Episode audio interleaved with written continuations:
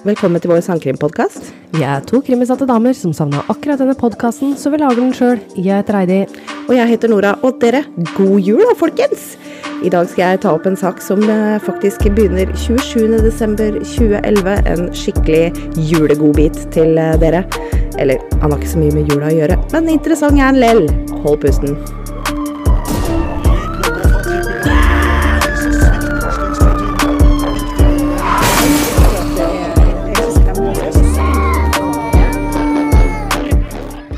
Heidi. Hei, Nora.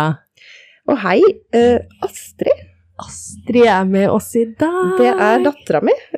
Ja. Det er veldig rart å si. ja. Ja, det er fortsatt veldig rart å si. Uh. Hun er forkjøla, så hun Åh. Ja, hun sover uh, på, på brøstet mitt.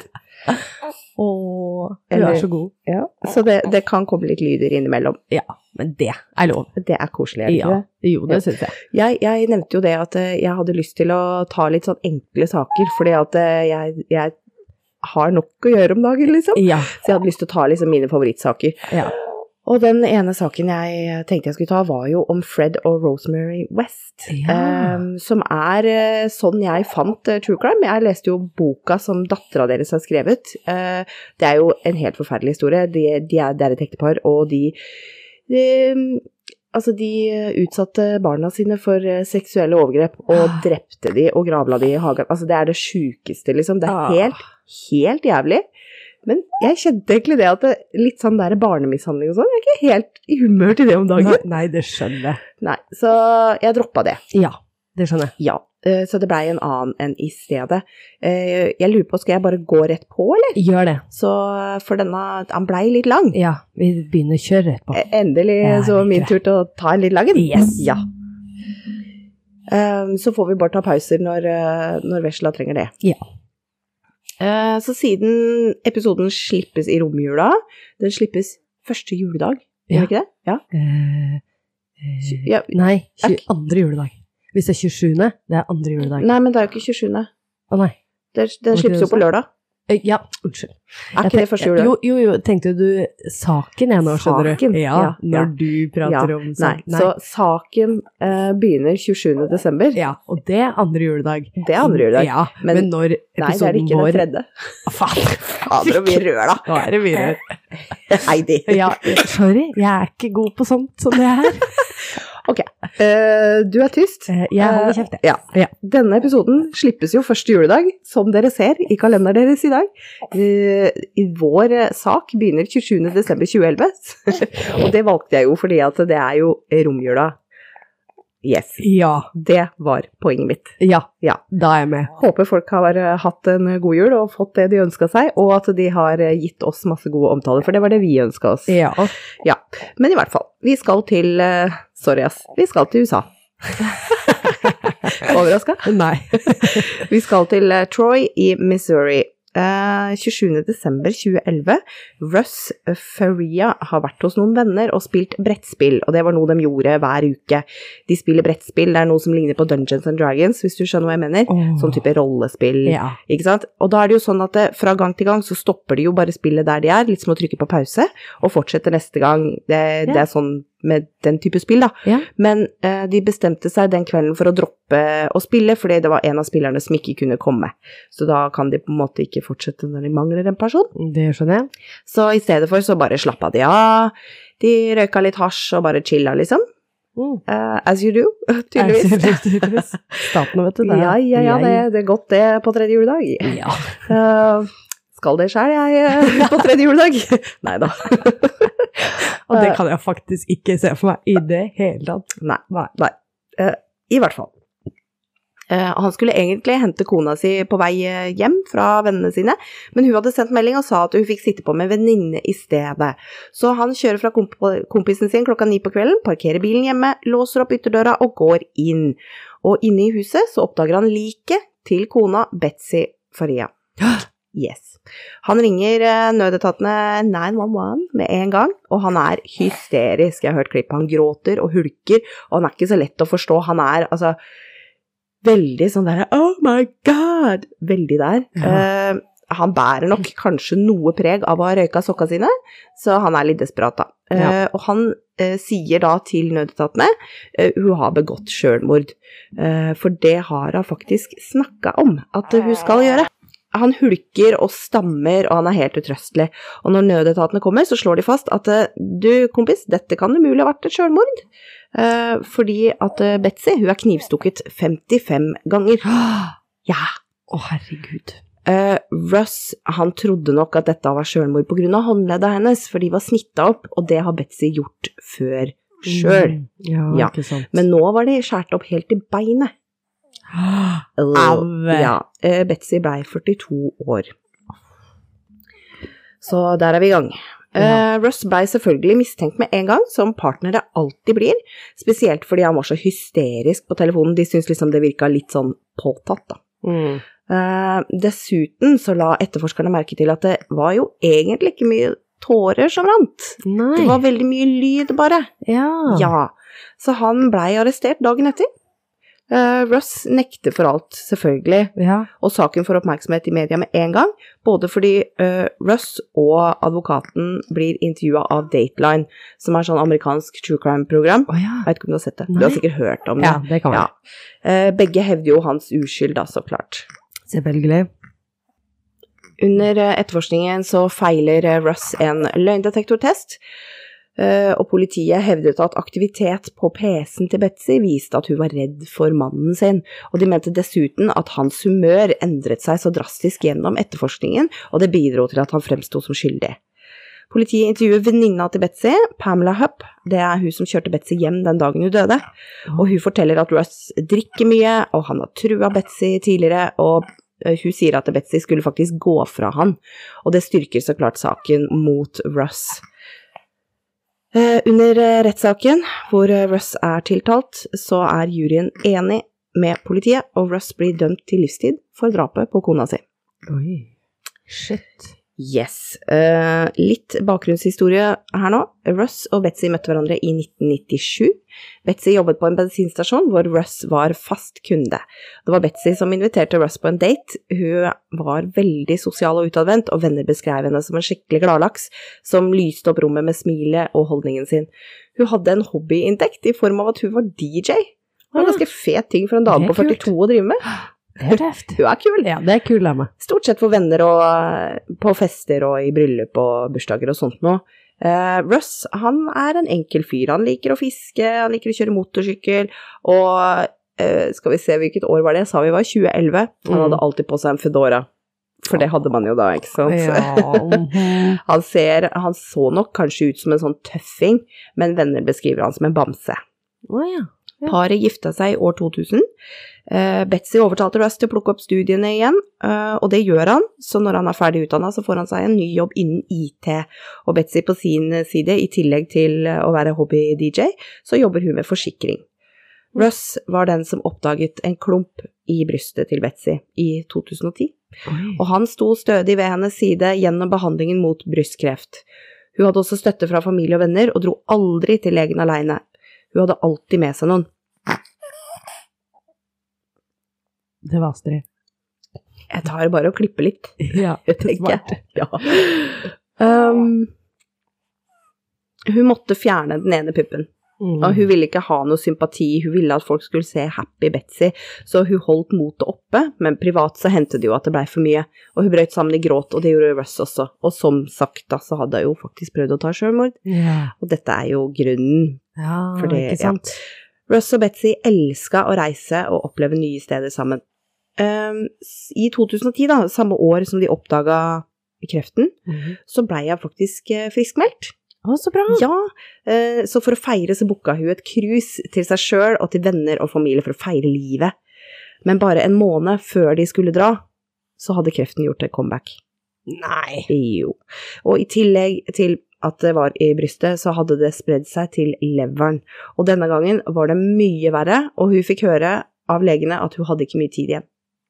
Shit. Men hun ville gjerne dra på cruise allikevel. Hun hadde planlagt å svømme med delfiner, og det sto på hennes bucketlist, eller Ja. kisteliste, som vi sier på norsk. Er ikke det det beste ordet? Kisteliste? Kisteliste. Er det, Nei, my- det er mye bedre enn bucketlist. Jo, jo, jo, for så vidt. Ja. For så vidt. Kisteliste. Ja, det er Ja. Ja. Nei, så hun skulle svømme med delfiner, for det sto på hennes kisteliste, og det gjorde hun, og det var fantastisk. Ja, så bra. Um, så, hva gjør at en tilsynelatende lykkelig mann i et lykkelig forhold dreper kona si på en så brutal måte? 55 knivstikk, det er ganske aggressivt. Det er aggressivt. Da hater du vedkommende, altså. Ja, og håndledd snitta til beinet, liksom. Ja. Enkelt svar til deg nå. Ja. Han gjorde ikke det. Nei, ikke sant? Han gjorde ikke det. Nei. Han satt i fengsel i tre år før han fikk en ny rettssak, og han blei frifunnet. Men hvem drepte Betzy? Ja. Nå skal jeg fortelle deg litt om venninna til Betzy. No. Pamela Hupp, venninna til Betzy. Hun hadde fått en streng katolsk oppdragelse, men hun var glad i å være med venner, og hun hørtes ikke egentlig ut som Guds beste barn. Eh, hun liksom likte å farte litt rundt, da. Eh, og etter high school så blei hun gravid, og sjøl om hun egentlig ikke var så investert i forholdet sitt, så måtte de jo gifte seg for babyens del. Spesielt da på grunn av bakgrunnen hennes med liksom sin religiøse oppdra- oppdragelse.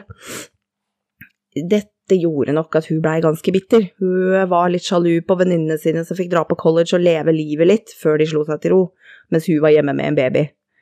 Eh, Det første ekteskapet hennes varte i seks år, eh, til, og i midten av 20-åra gifta hun seg på nytt med en rolig og snill mann som heter Mark Hupp, derav etternavnet. De fikk også en sønn, og etter eh, noen år i Florida så flytta de tilbake til Missouri. Da fikk hun seg en deltidsjobb innen forsikring, og gjennom jobben blei hun kjent med Betzy. Sjefen til Pam sier at hun gjorde jobben sin, og det var ikke noe problem med det. Hun var eh, først inne på kontoret, de slo av en prat hver dag, hun var god på sånn interpersonell eh, politikk på kontoret. Hun var en hyggelig dame. Mm. men litt merkelig var hun jo, for hun insinuerte og hinta til at hun hadde, eller hadde hatt, en hemmelig jobb innen FBI eller CIA eller noe lignende. Men nei, hun kunne ikke snakke om det. Kan ikke si noe om det. Men bare liksom strø rundt seg med litt sånn hinting. Ja, det var jo veldig Det var noe å skryte, på, eh, skryte på seg. Ja. Det, Ja. Mm, eh, mm, ja. Nei. Rundt kontoret var det flere biler som hadde fått eh, lakken eh, nøkla skrapa opp. Nei. Og det samme skjedde i nabolaget til Pam og Mark, faktisk. Pussig. Pussig. Noen av naboene fikk eh, truende brev, skikkelig stygge, hatefulle brev. Pam likte å hive bensin på bålet, hun er den typen sånn der, som elsker drama. Mhm. Så hvis noen av naboene hadde en konflikt, så likte hun å fyre oppunder. Uh, Pam blir skada en dag på jobb, som gjør at hun ender opp som ufør. Uh, Pam og Betzy mister da kontakten, men når Pam hører at eh, Betzy har kreft, så tar hun kontakt igjen. Og hun møter opp på timen hennes og kjører henne, og er en stor del av Betsy sitt støttesystem. De er sammen stort sett hver dag, faktisk. Mhm. Betzy har naturligvis en livsforsikring, for hun, altså hun jobber jo med forsikring, Ja. så det er klart hun har. Uh, hun jobber forsikring og er dødssjuk, uh, så naturligvis. Hun og Pam snakker om at Betzy er litt bekymra for hvordan det skal gå med Russ når hun dør, for hun er engstelig for, for at han ikke er så god med penger som hun Ja. egentlig skulle ønske seg. Ja. Og Betzy har også to døtre fra et tidligere forhold som hun må tenke på, og hun er redd det ikke vil være noe igjen til de. Oi. Ja.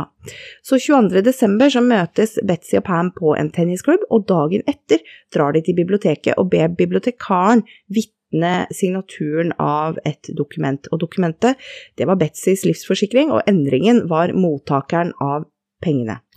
Fra Russ til Pam. Og fire dager etter så er Betzy død. Å, fy faen. Kødder du, eller? No. Eh, det skurrer litt for deg. Det Skurrer, ja. Ja. Den 27. desember så fikk Betzy cellegift, og hun hadde en god venn Bobby som skulle kjøre henne siden Russ var på spillkveld. Russ skulle jo hente henne, men Pam møtte plutselig opp. Eh, Bobby sier det var litt rart, og Betzy virka litt forvirra, for hun hadde jo avtalt med Bobby. Mm. Og jeg kan tenke meg det er slitsomt med cellegift, og hun hadde planlagt å være sammen med sin gamle venn Bobby, og så plutselig kommer Pam også. Det er jo på en måte bare bryderi, Ja. eh, tenker jeg. Ja. Pam insisterer på å kjøre Betzy hjem, uh, og det er da Betzy sier til Russ at uh, du trenger ikke hente meg likevel. Mm. Uh, og under etterforskninga av Russ så blei jo selvfølgelig Pam spurt ut om det med forsikringa, men forsvaret hennes sier at det var mm, Men Altså, ikke forsvaret hennes, altså hennes eh, forklaring Ja. var at det var mange andre hun kunne drepe hvis hun ville ha penger. Fordi mannen hennes hadde, hadde mye penger, og moren hennes hadde mye penger, og begge hadde mye høyere forsikringspremie enn Betzy sin. Eh, så det, det var jo helt ulogisk Ja, at hun skulle gjort det for pengene. Ikke nok med det, men hun kunne jo bare sagt det, altså eh, det- Altså, at mannen var jo ikke helt god, tydeligvis, da, som det kom ut også, at, eh, og hun var redd for han, så hun ville heller at penga skulle da gå til venninna hennes, som hadde stilt Mm. opp mye mer fra. Ikke sant? ja. Ja.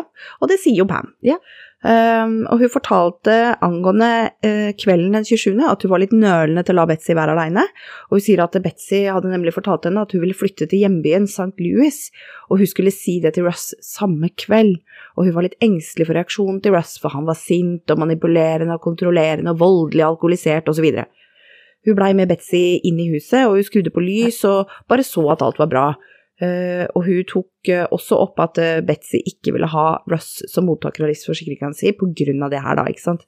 Det er det hun sier under avhør. Ja. Eh, Politiet er jo blinda av eh, partnere alltid skyldig-narrativet, og til og med venner og familie og døtrene til Betzy trodde at Russ var skyldig. Enda Russ har et tight alibi, Ja. altså det er sykt tight. Han var hos vennene sine, og alle vitna for han. Han hadde også stoppa og kjøpt eh, fastfood, og han hadde kjøpt eh, røyk, og han hadde kvitteringer. Men Pam hadde jo ikke alibi. Nei. Og Pam skulle ta løgndetektortest hun også, og hun sa seg villig til det, men samtidig så hadde jeg bedt legen sin skrive, en, en sånn unntak, skrive et unntak for henne, Ja. og si at ikke hun kunne gjøre det på grunn av, av medisinske årsaker. Eh, hva har det å si for noe? Eh, Løgndetektor går jo på, på Nei, nei, nei. hjerterytmen Ja, og puls. nei, det går ikke. Nei, nei, Nei, medisinske kan få, årsaker. kan få høyere puls av medisiner. Oh. Åh. Nei, hun, du må huske hun var ufør, Ja, ikke sant? Ja. Ja. Ja, ja.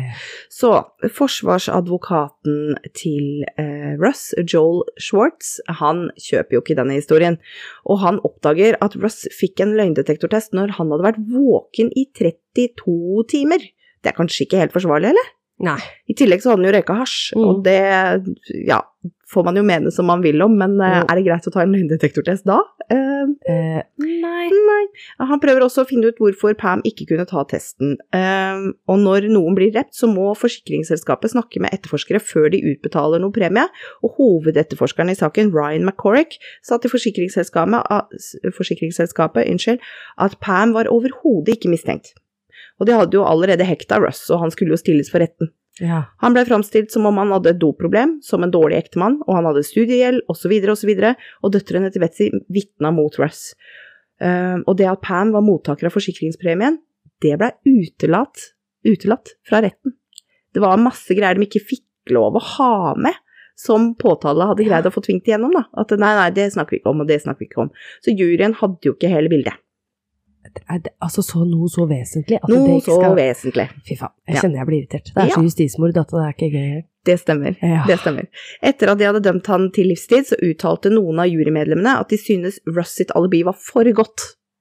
Det var for bra. Det var for planlagt. Han ja. kunne vise til både vitner og kvitteringer. Oh, ja. Så det var liksom, det var Ja, for tight. Det, det var for Det var, det, var, det var påtatt godt, liksom. Det er så teit. Så går det an. Det, er- ikke det bra nok heller, da. Nei, det er tydeligvis ikke det. Nei. Nei. Uh, Pam hadde jo alle pengene fra forsikringa, og hun satte 100 000 dollar på en konto til eh, døtrene til Betzy, og resten sa hun at hun skulle bruke på datteren til en annen venninne som akkurat hadde mista mo moren sin til kreft. Hun sa Betzy ville være stolt av henne for det. Men hun satte ikke pengene på konto til døtrene til Betzy med en gang. Det tok litt tid, fordi hun hadde akkurat måttet deale med moren sitt dødsfall. Moren til Pam hadde Alzheimer, eller eh, rettssaken eh, etter rettssaken så fikk fikk politibrev fra flere som kjente Pam og moren, hvor det sto at moren hadde ikke Alzheimer. Nei. Men det sa Pam. Ja. Uh, hun bodde dog på et pleiehjem, uh, men var helt klar i toppen. Uh, og dødsfallet hennes var alt annet enn naturlig. Hun hadde falt ned fra balkongen i tredje etasje der hun bodde. Og hun hadde vært med Pam den dagen hun døde. Ja, så det er det. De hadde vært en tur på sykehuset pga. noen smerter i ryggen, og Pam hadde kjørt henne hjem til pleiehjemmet etter det. Pam fortalte, at, uh, fortalte de som jobba der, at uh, moren hennes hviler, og hun kommer ikke til å komme ned for å spise middag eller frokost, men kanskje lunsj i morgen. Så det var ikke før lunsjtider dagen etter at renholderen kom inn på rommet til Shirley, som moren til Pam eh, het, og så at hun ikke var der. Og da så hun at det mangla noe rekkverk fra balkongen, og Shirley lå på bakken. Under obduksjonen så oppdaget de at Shirley hadde åtte ganger normal dose Ambien i systemet sitt. Ambien er en sovemedisin. Eh, De ansatte hadde lagt merke til at hun hadde vært litt forvirra i det siste, og antok at hun hadde tatt feil dosering på grunn av hun var litt forvirra. Ja. Eh, Forsvarsadvokat eh, Joel Schwartz han var mistenksom igjen, han følger med. Han husket at Pam sa under sitt intervju at hun hadde ingen grunn til å drepe Betzy for penger, for både moren og mannen hadde mye større forsikringspremie enn det Betzy hadde. Men politiet kom til konklusjonen at Shirley Newman sin død var bare en ulykke. Ja, selvfølgelig. Ja, Det er mye lettere for dem, vet du. det er mye lettere. Ja. Årene går, Russ er i fengsel, Pam lever livet. Men så ombestemmer døtrene til Betzy seg. Oh. De saksøker Pam i 2014 for wrongful death. Eh, rettsstridig død, eller noe, kanskje? ja, ja. Dere skjønner hva jeg mener. Ja. Eh, så blir det en ny rettssak da i 2014, og Pam virker veldig nervøs hele tida. Hun uttaler til og med etternavnet til Betzy feil et par ganger. Hun nekter å oppgi hva hun arva av moren sin, men etter å ha blitt pressa på det, så sier hun at det var bare 100 000 dollar. Eh, I rettssaken blir eh, Betzy omtalt som Pam sin beste venninne, men Pam protesterer på det, og bare et minutt etterpå så sier hun at jo da, jo hun var en av mine beste venninner. Det er bare litt sånn her merkelig, hun driver og motsier seg sjøl hele tida. Okay. Hun liksom endrer historie og sier én ting, og så rett etterpå så mener hun noe annet. Det er helt utrolig at ikke hun ble hekta for det her med en gang. Ja, Fordi at hun rart. er så ræva. ja. Neimen, fy da. Hun sier at Betzy elsket henne, og hun, ville ikke, og hun hadde villet at Pam skulle ha det beste livet hun kunne. Mhm. Anklager spør om ikke kanskje Betzy hadde villet at døtrene hennes skulle få litt grann av den forsikringspremien, hvorpå Pam svarer absolutt ikke. Det er ikke det Betzy hadde ønska i det hele tatt. Å nei, nei, Nei. nei. Å nei. Det viser seg at hovedetterforskeren av saken, Ja. eh, Ryan McCarrick, han hadde anbefalt at hun satte opp et fond for døtrene til Betzy for å ikke virke mistenksom. Og Pam hadde fulgt rådet hans og satte opp fondet bare en uke før rettssaken til Russ, første gang. um, og, og det var jo bare, for å, på en måte, bare fordi at hun fikk beskjed om det. ja. Um, akkurat eh, da så hadde mannen, hun og mannen hennes Mark, eh, de hadde akkurat kjøpt seg nytt hus. Neimen. Neimen, Neimen. tilfeldig? Oi, ja, ja. Ja. Noen uker etter de fikk dømt eh, Russ, så tømte Pam fondet til døtrene. Selvfølgelig gjorde hun det. De fikk aldri en eneste dollar. Påtale la inn en formell protest eller noe lignende på mer avansert juslingo, som gjorde at dommeren kunne vurdere bevis som ikke var vurdert før, under rettssak nummer to. Og da, annullerte, og da annullerte de jo dommen som Russ hadde fått, og han fikk ny rettssak i 2015. Eh, under den rettssaken så fant forsvaret til Russ plutselig 132 bilder fra åstedet som motsa til det som ble presentert i, som fakta i første rettssak. Blant annet la de mye vekt på et par tøfler som tilhørte Russ som hadde blod på seg, men teknikere mente nå at blodet var blitt planta. Eh, Russ hadde ikke noe blod på noe av klærne sine, eh, og han blei sett i det tidligere på kvelden på overvåkningsbilder. Eh, sånn at det liksom, han kan jo ikke ha eh, hatt på seg de klærne hos kompisen, bli observert på overvåkning, dra hjem, skifte, drepe hun, skifte igjen. Mm. Altså, det, Nei, det det, liksom, det, det, det her går jo ikke. Nei. Han hadde ingenting under negler, og det var ikke funnet noe i dusjsluket, så han har liksom ikke bare drept og dusja og vaska seg. Det, nei. I tillegg så kommer det ut at advokaten for staten for påtale eh, hadde en affære med lederen for etterforskning hos det lokale politikammeret. Så fullstendig inhabil der, altså. Eh, I en e-post eh, som hadde kommet fram, så skriver han mannen, han leder for etterforskningen, Michael Lang, han erklærer sin kjærlighet for advokat Lia Askey og sier at han skal gjøre sitt beste for å være alt hun trenger. Begge nekter så klart på dette her, men det ser skikkelig jævla stygt ut. Også under denne rettssaken fikk eh, Joel Schwartz en kopi av et intervju med Pam som han ikke hadde sett før, og her sier Pam noe sjokkerende. Og det her er fra første runden, liksom. Ja. Um, for der påstår Pam at uh, hun og Betzy var elskerinner, ikke lesber, da. Eh, men eh, det dårlige ekteskapet eh, til Betzy og Russ hadde drevet Betzy til henne, og Pam hadde tatt rollen som Betzys mann. Eh, hun sa også at en måned før Betzy døde, så hadde Russ oppdaget de to i senga, og han reagerte med sinne og trusler mot Pam. Pussig nok, da, så sier venner av Pam at hun var den mest homofobiske personen de visste om. Ja, selvfølgelig. Hm. Mm. Mm. Herregud. En måned før den nye rettssaken, tre år etter Betzy døde, så husker plutselig Pam at hun hadde sett Ross i bilen sin ved huset når hun kjørte Betzy hjem. Hun hadde bare ikke husket det tidligere, fordi hun er jo ufør på grunn av en hodeskade, eller uh, hun bruker mye sovepiller som gjør henne litt groggy. En av de. Ja, det er Pam. Det høres riktig ut. Ja. Bra. ja. Bare dobbel opp på unnskyldninger der, sånn i tilfelle. Eh, De fant et dokument på PC-en til Betzy, som Pam også nevnte under første rettssak, hvor Betzy skriver detaljert om ekteskapsproblemene sine. Det er eh, adressert til eh, Pam fra Betzy, og hun skriver hvordan hun sovna på sofaen og våkna av at Russ sto over henne med pute. Og han hadde sagt at han bare ville at hun skulle vite hvordan det var å dø, sånn at hun kunne være forberedt, siden hun skulle dø av krefta. Videre så skriver hun at mm, han hadde snakka om hvor mye penger han skulle få når hun dør, og hun spør om eh, ikke heller hun kan sette da Pam som mottaker av livsforsikringa, eh, som er det hun skriver i det dokumentet, og, Pam, og at Pam skal dele videre med døtrene hennes når de trenger det. Dokumentet var av filtypen eh, til Word 97, enda Betzy ikke hadde det installert på PC-en sin. Mm. Dessuten var det det eneste dokumentet på PC-en hvor det sto ukjent forfatter. Hmm. Mm. En av Betzys nære venninner mener at dette er absolutt 100% reinspikka bullshit. Hvis noe av dette hadde vært sant, så hadde hun visst det. Da hadde Betzy sagt ifra til en av sine bestevenninner, ikke til Pam, som hun hadde kjent i hele seks måneder. Ja, ikke sant. Så venninna hennes bare eh, hell no. Mhm. Rettssaken eh, hadde ingen jury, så det var kun opp til dommeren. Påtale var fortsatt Lia Askey. Ah. Ja, som prøvde å forhindre at ny informasjon kom fram, men dommeren var ikke på hennes side denne gangen, og han ville ha alle detaljene.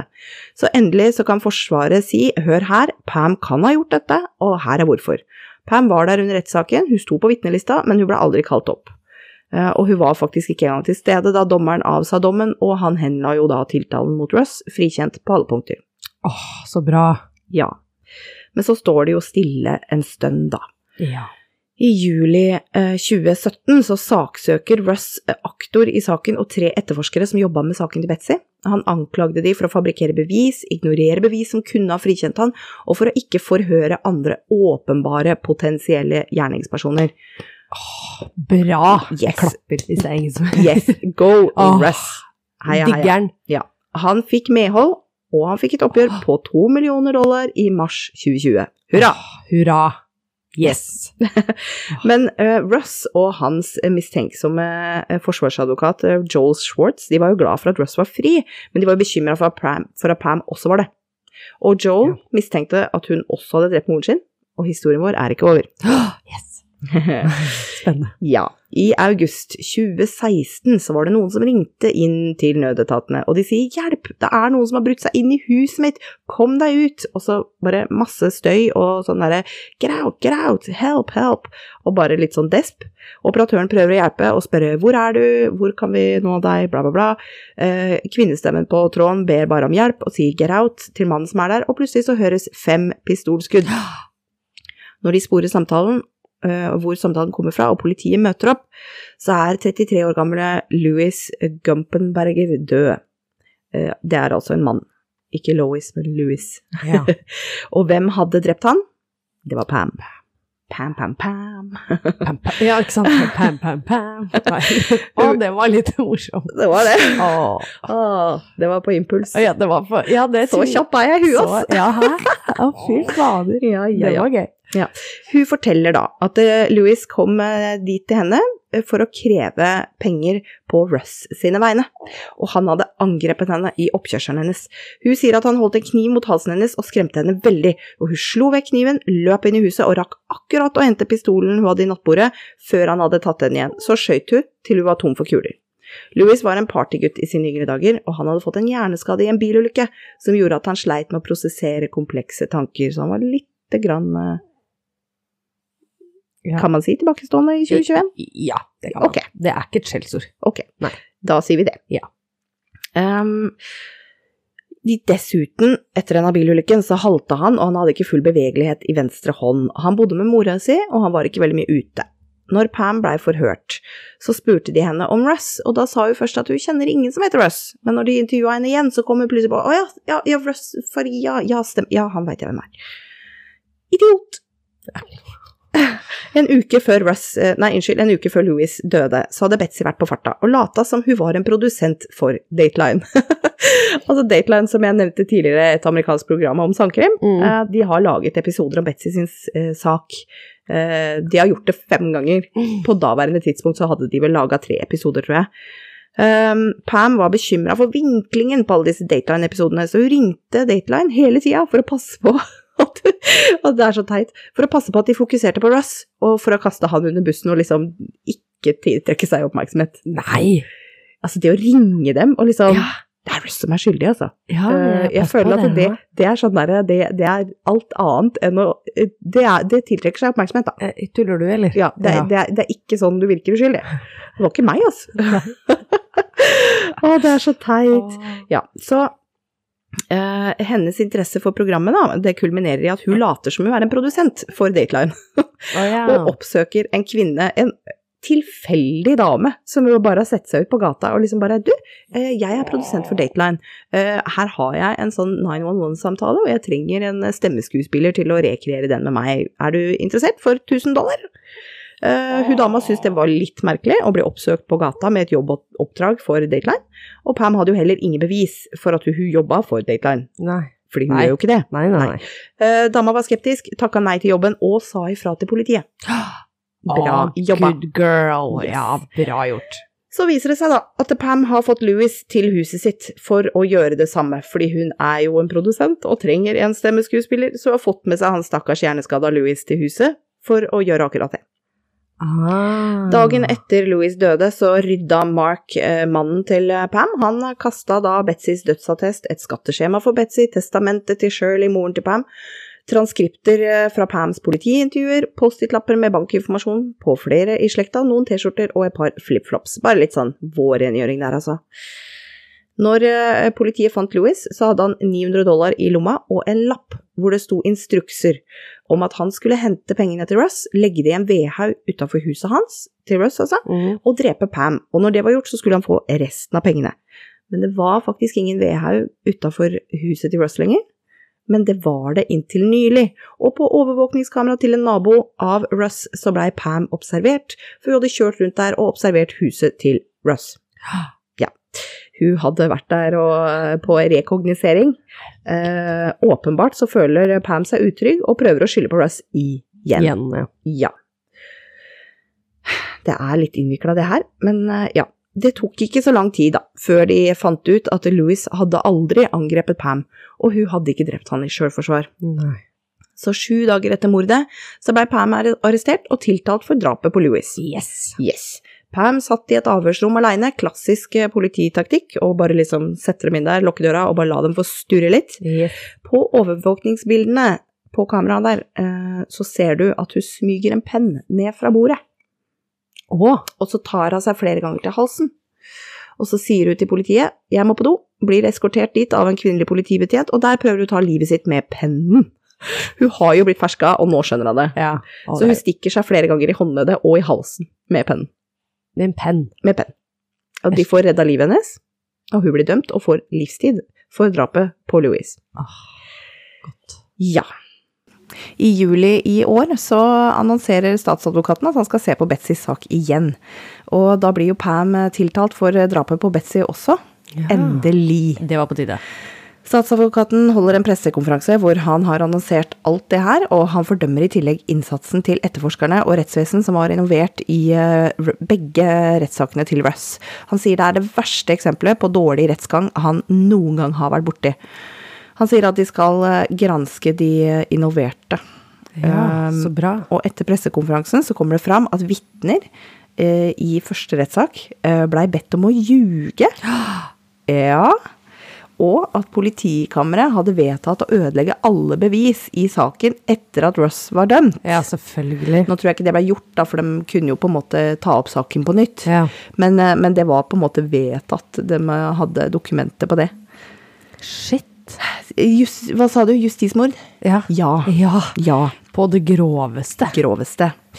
Um, så ehm, dette, dette er vel sånn som vi har snakka om før, er det ikke det? Når fornuften forsvinner, og den eneste agendaen er å få dømt en eller annen, Ja, ja, ja. uavhengig av skyld. Men jeg skjønner ikke hva politiet tjente på det. Nei, ikke heller. Jeg skjønner ikke de, de får løst en sak, da. Det er bra for statistikken. Ja, altså politiet, ja, men eh, disse um, Det er vel Hun jobb. Hun advokaten og sånn. Ja, Men, men hun òg vil jo ikke Nei, tjene penger, kanskje. da. Det er penger, ja, penger, penger, ja. kanskje. Men hun, som, hun jobba jo da for staten. Hun Ja. Lia Askey, ikke sant? Ja, Det er vel bra for hennes statistikk òg, ja, ja, ikke sikkert? Mm. løste saker og eh, Ja, og den får jo også sånn Altså, det er i hvert fall hva jeg har sett på filmer. Ja. ja, så jeg veit ikke om det er ekte, det her. Men det er jo litt sånn advokater som har vunnet så og så mange rettssaker, ikke sant. Da Ja. får de høyere status. Oh, yes. yes. Taper aldri.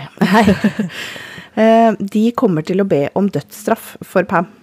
Det er så bra. Og det ville de også ha gjort for mordet på Louis.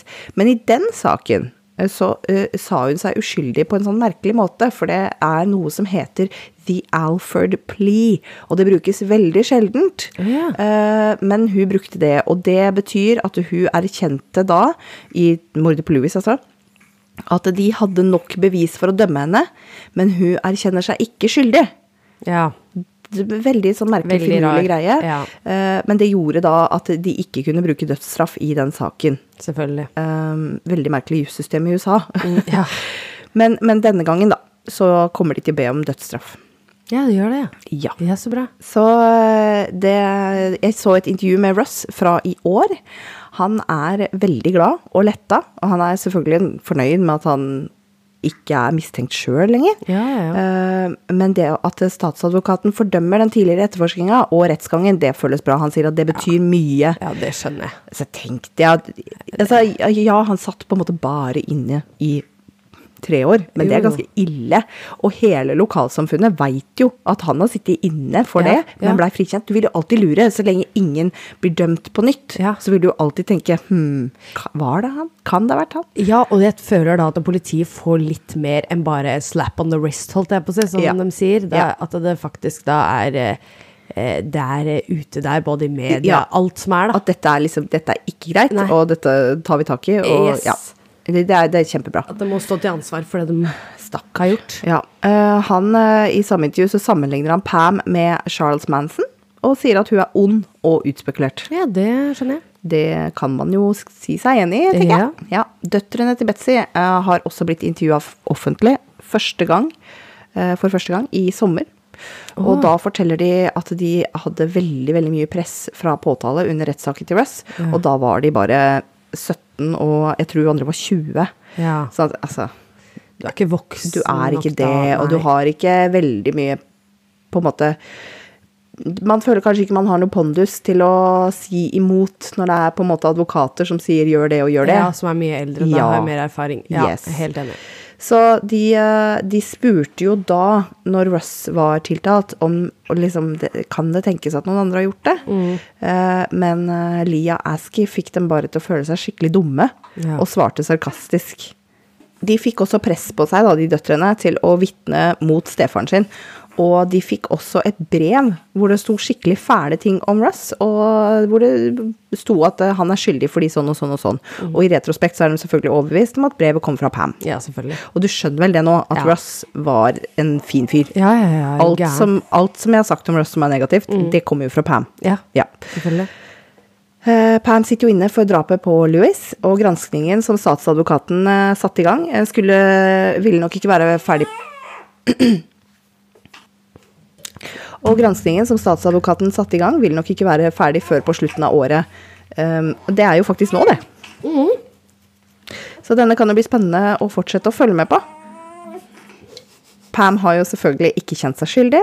Hun blei opprinnelig sikta for drap og armed criminal action uh, væpna kriminell handling eller noe, hvis vi skal bare oversette den eh, direkte.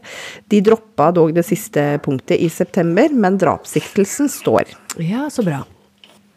Som sagt så har denne saken fått god dekning i media. Dateline har jo laga totalt fem episoder, hvorav ingen er tilgjengelig på nett, så takk for det. Ja. Eh, saken blei også tatt opp i Dateline sin podkast. Eh, den tror jeg kun fins på Apple, for jeg fant den ikke på Spotify, så takk for det. Eh, den episoden var flere uker på Apple sin toppliste. Oi. Så da regner jeg med at denne episoden går rett til topps for oss også. Ja, nå skal Ja, jeg nå, skal- nå- nå blir vi- Du har en tendens til å ta opp sånne saker. Nå blir det topplista på Apple Pass også. Ja, ja, ja. ja, ja, ja. Eh, ja, jeg skal se om jeg finner den. På Apple. Å ja, ja, ja, ja, den um, Dateline sin podkast, ja. Ja. Um, jeg tror kanskje Det kan denne episoden heter uh, um, There's Something About Pam, eller The Thing About Pam. Jeg tror ikke vi som har lagd mange podkaster, at den burde komme ut nå nylig, da, siden eh, Burde du det? eh, Ja. Det er uh, Podkasten heter uh, The Thing About Pam. Å ja. Det er en Dateline-podkast-serie. Ja, ikke Yes. sant. Men vet du hva, det skal jeg Jeg får ikke sjekka den nå, som sagt, tydeligvis, for den eh, er bare teit, den telefonen min. Ja, ja.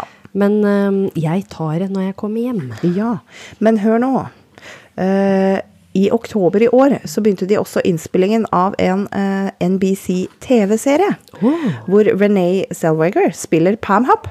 Oi! Og serien har fått tittelen The Thing About Pam. Og det blir en miniserie på seks episoder.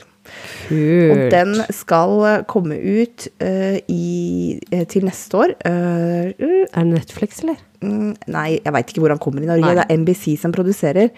Eh, men den kommer i mars neste år.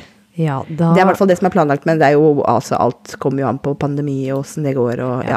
Jeg, I hvert fall stort sett når jeg har sett sånne dokumentarer laget av NBC, så har det ikke pleid å være på Netflix. Men jeg lurer på kanskje HBO, kanskje? Ja. Jeg skulle akkurat si det. Ja. HBO Max. ja, for der er det kanskje litt NBC. Jeg tror det. Mm, Ja. Faktisk. Så da er det på en måte bare å glede seg til den blir mini, miniserien. Ja. Da har vi alle litt bakgrunnsinformasjon. Ja, det har vi, altså. Ja. Gøy å kunne sette litt ekstra For du lager din egen eh, ting, hvordan huset så ut. Ja, hvordan- ja. Ja. Det er gøy å se hvordan eh, de her eh, rekonstruerer dette. Ja, ja. Mhm. Det var en, eh, jeg syns det var en innvikla historie, men ja, den eh, er for så vidt innvikla, ja. For hun, hun prøver Men det er det også. Hun, hun fikk jo ikke nok av penger, tydeligvis. Det Nei. var ikke bra nok. Bare nei. det, for vi hadde da stoppa, faktisk. Så tror jeg eh, Altså med det første å drepe venninna si, så tror jeg kanskje hun ikke hadde blitt oppdaga. nei, nei, hvis hun ikke hadde tatt mora i tillegg, ja. Ja. ja. Da blir det Men, men altså, hva, var- hva var logikken med å drepe Louis, da? Nei, nei, nei, nettopp det. Jeg skjønner ikke. Hun, hun, hun, hun planta den lappen i lomma hans og 900 dollar for å få det til å virke som om hun var liksom eh, Som om Russ prøvde å gå etter henne også. Ja. Men det, det dummeste jeg har hørt Jeg tror hun hadde en liten hjerneskade, hun òg, kanskje. kanskje hun begynte å skjønne at politiet Hun var sikkert paranoid, og Ja. regna med at politiet kommer til å finne ut av den saken her. Ja. Fordi kanskje han da var blitt frifunnet, ikke sant? Da må de finne plutselig den skyldige. Ja, Se her, jeg begynner å tenke litt. Ja, ja, ja, nå kommer det. Nå kommer nå, det. nå kommer det. Nå har Heidi fått i seg kaffen sin. Ja, eh, det har hun jo ikke. Jeg skulle, jeg skulle ha trakta litt kaffe. Det går fint. Men da er eh, vårt eh, juniormedlem av pod-teamet våken. Så Mhm. da tenker jeg at eh, vi eh, pakker, eh, pakker sammen for eh, denne uka. Det og så vi. går vi videre med litt bleieskifte og amming. Smart, smart, smart. smart, smart. Ja. Jeg håper alle har hatt en fin jul. Og så er det fortsatt muligheter til å innfri juleønsket vårt og gi oss noen gode anbefalinger og, og varme ord. Absolutt. Ja. Nå er det jo snart et nytt år også. Ja. Så neste episode, det er jo faktisk eh, første. Blir det Det blir det. Det blir det. Dæven! Ja, 1. januar. Så- Ja, men takk for i år, da, Takk for i folkens. år. Veldig, veldig hyggelig eh, år med dere. Skal vi snakke litt om det, det vil jeg bare nevne. Eh, hvor mange er det som hadde oss som favorittpod? Husker du det? Vi har fått sånn, Mm. Nei, vi har fått sånn derre eh, Sånn som alle får Mm. av Spotify. Sånn derre ditt år på Spotify. Men vi har jo eh, også publisert ting på Spotify, så vi har Mm. fått den for podkasten også. Og der sto det det at det var 110 av dere hører på oss mer enn dere hører på noen annen podkast. Og til dere 110, så vil jeg bare si tusen takk. Ja, veldig. Og det sa Astrid òg. Det sa Astrid òg. ja. Takk til dere. Takk for det også. Um, takk til alle andre Ja, også, som ja, har andre andre favoritter. Det er helt lov. Ja. Det har vi sjøl òg. Men, men spesielt takk til dere 110. Ja. Håper dere blir med oss neste år også, Ja. og at dere blir dobbelt så mange. Absolutt. Vi, jeg ser jo det òg. Det er jo helt sjukt hvor mye mer lyttere vi har fått. Jeg husker jeg sa for kanskje tre måneder siden at jeg, jeg håpa at eh, i hvert fall lyttertallet vårt skulle ha At vi hadde over 10 000 lyttere da, i løpet av et år. Av, avspillinger. Avspillinger, Mhm. ja. ja. Unnskyld. Ja, avspillinger. Eh, det viser seg Vi er eh, langt over det, så jeg kunne Er egentlig sette Ja, jeg kunne sette grensa egentlig til 20 000. Vi har kommet opp til 17 Nei! Det har jo ikke sett det! Nei, der kan du se! Det er helt sjukt. Ja, det har balla på seg veldig i det siste, eller? Ja, det er det. What the Eh, fuck, se, har jo- folkens? Ja, vi lytter lyttere på hva, hvor mye var det nå? 400? 400 Nei, estimated audience eh, 333. Ja, med den under der igjen. ja. Oh, ja, den ser du på nettsida, den. Jeg er på appen, jeg. Ja, du er på appen, du, vet du. Jeg er på appen. Jeg så på nettsida, jeg, vet du. Ja, men, men, da sto det eh, faktisk fantastisk. Ja, det er kjempegøy. Så jeg er inne på Anchor nå, skal vi se her. Et lite øyeblikk, så skal vi finne det, for det var ganske gøy å se. Eh, det er gøy for lytterne å høre òg. Vi har faktisk 406 lyttere de siste syv dagene. Så det er gøy. Det er veldig gøy. Det er veldig gøy. Og Herregud. det har jo faktisk eh, Jeg husker vi bare Ja, vi har 110 på det. Ja. Vi bare!